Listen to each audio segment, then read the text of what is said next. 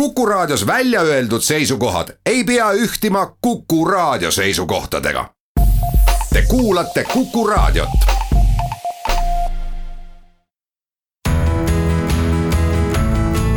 kuku Raadio nädala kommentaar.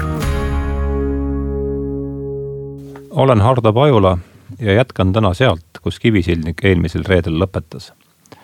püüan teile nimelt selgitada intersektsionalismi hämarat õpetust Sven eestindas selle oma kommentaaris lihtsalt nalismiks ja ma kasutangi oma epistlis neid mõisteid edaspidi samatähenduslikena. et juba niigi ähmane mõiste seletamise käigus veelgi ei hajuks, alustame ühe konkreetse näitega ja püüame siis lõpupoole ka mingi üldistuseni jõuda. kahe tuhande viieteistkümnendal aastal Washingtoni osariigi Evergreen kolledži presidendiks määratud George Sumner Bridges seisis vastamisi kaelamurdva ülesandega kuidas reformida õppeasutust, mis sellest midagi kuulda ei tahtnud. tuhande üheksasaja kuuekümne seitsmendal aastal asutatud kolledži õpetlased hindasid kõrgelt oma kooli eksperimentaalsust, mis selles kontekstis tähendas eelkõige suurt vabadust nii tudengitele kui professoritele üliõpilased ei registreerunud Evergreenis mitte traditsioonilistele kursustele, vaid osalesid mitmesugustes interdistsiplinaarsetes programmides mida nende õppejõud suure innukuse ja leidlikkusega üksteise järel välja mõtlesid. ilmselt oligi säärase söaka fantaasialennu sünnitatud programmide paljusus üks kaalukamatest põhjustest, miks uuele presidendile anti ülalt poolt käsk see segadus rahalistel kaalutlustel lõpetada. ühesõnaga, George Sumner Bridges pidi välja peale laiali pudenenud lambad õhtu lõpuks lauta tagasi kupatama. kuidas seda teha? Kolledži õppejõud olid isegi USA ülikoolide taustsüsteemis äärmiselt vasakpoolsed. mis tähendab seda, et nad pidasid arenenud maailma suurimateks probleemideks misogüüniat, rassismi, homo, lesbo, trans ning islamofoobiat.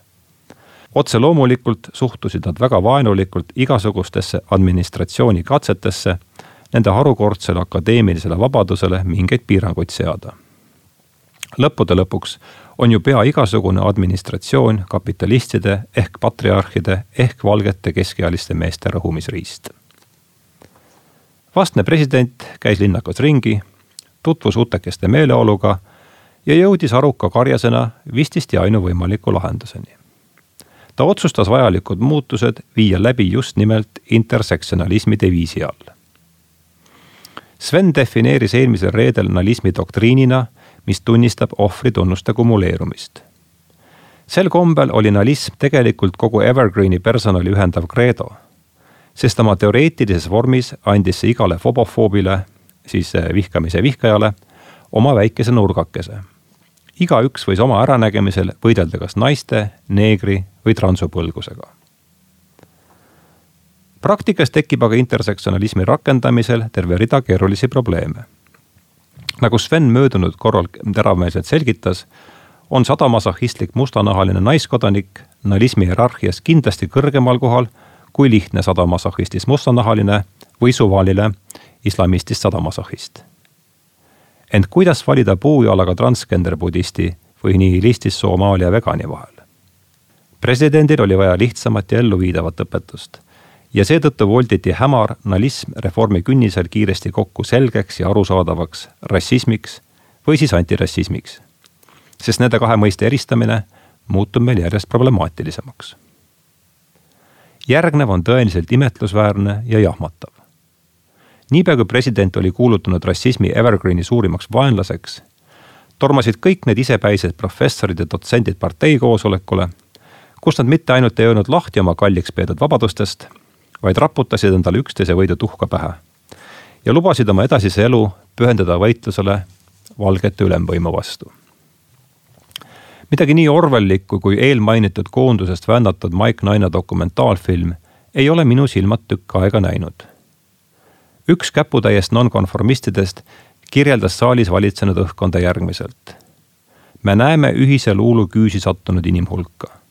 Need vähesed, kes seda hullust pealt vaatavad tunnevad end üksi jäetutena ja võimetutena toimuva kohta suud paotada. see üksildustunne keset rahvamassi on rusuv. kui kõnealune kodanik palub partei aktiivil esindada tõendeid Evergreenis valitseva valgete ülemvõimu kohta, saab ta lühikeseks ja ammendavaks vastuseks. küsida tõendeid valgete ülemvõimu kohta on iseenesest tõend valgete ülemvõimu kohta. ma jätan siin kuulajate otsustada, kas see lause sobiks paremini Loomade farmi või tuhande üheksasaja kaheksakümne nelja. kena küll, aga milles seisneb selle jutu võimalik iva? mulle tundub üha enam, et krediidikriisi uue vaatuse eel sarnaneb kogu läänemaailm järjest enam kadakate vahele laiali pillatud lambakarjaga. infotehnoloogia arengu võimaldatud täielik privaatsuskadu tähendab seda, et laut on juba valmis, kollased kõrvalipikud samuti. me vajame veel üksnes ideoloogilist karjakoera. Evergreenis osutus selleks rassismiks väändunud intersektsionalism suuremas mõõtkavas võib selleks olla mõni muu totalitaarne doktriin. vasakpoolsed on oodanud aastaid kannatamatult fašismi, et neil oleks millega võidelda. see paraku muudkui viibib. ent elu võib põhjalikud reformid peale suruda juba homme või ülehomme.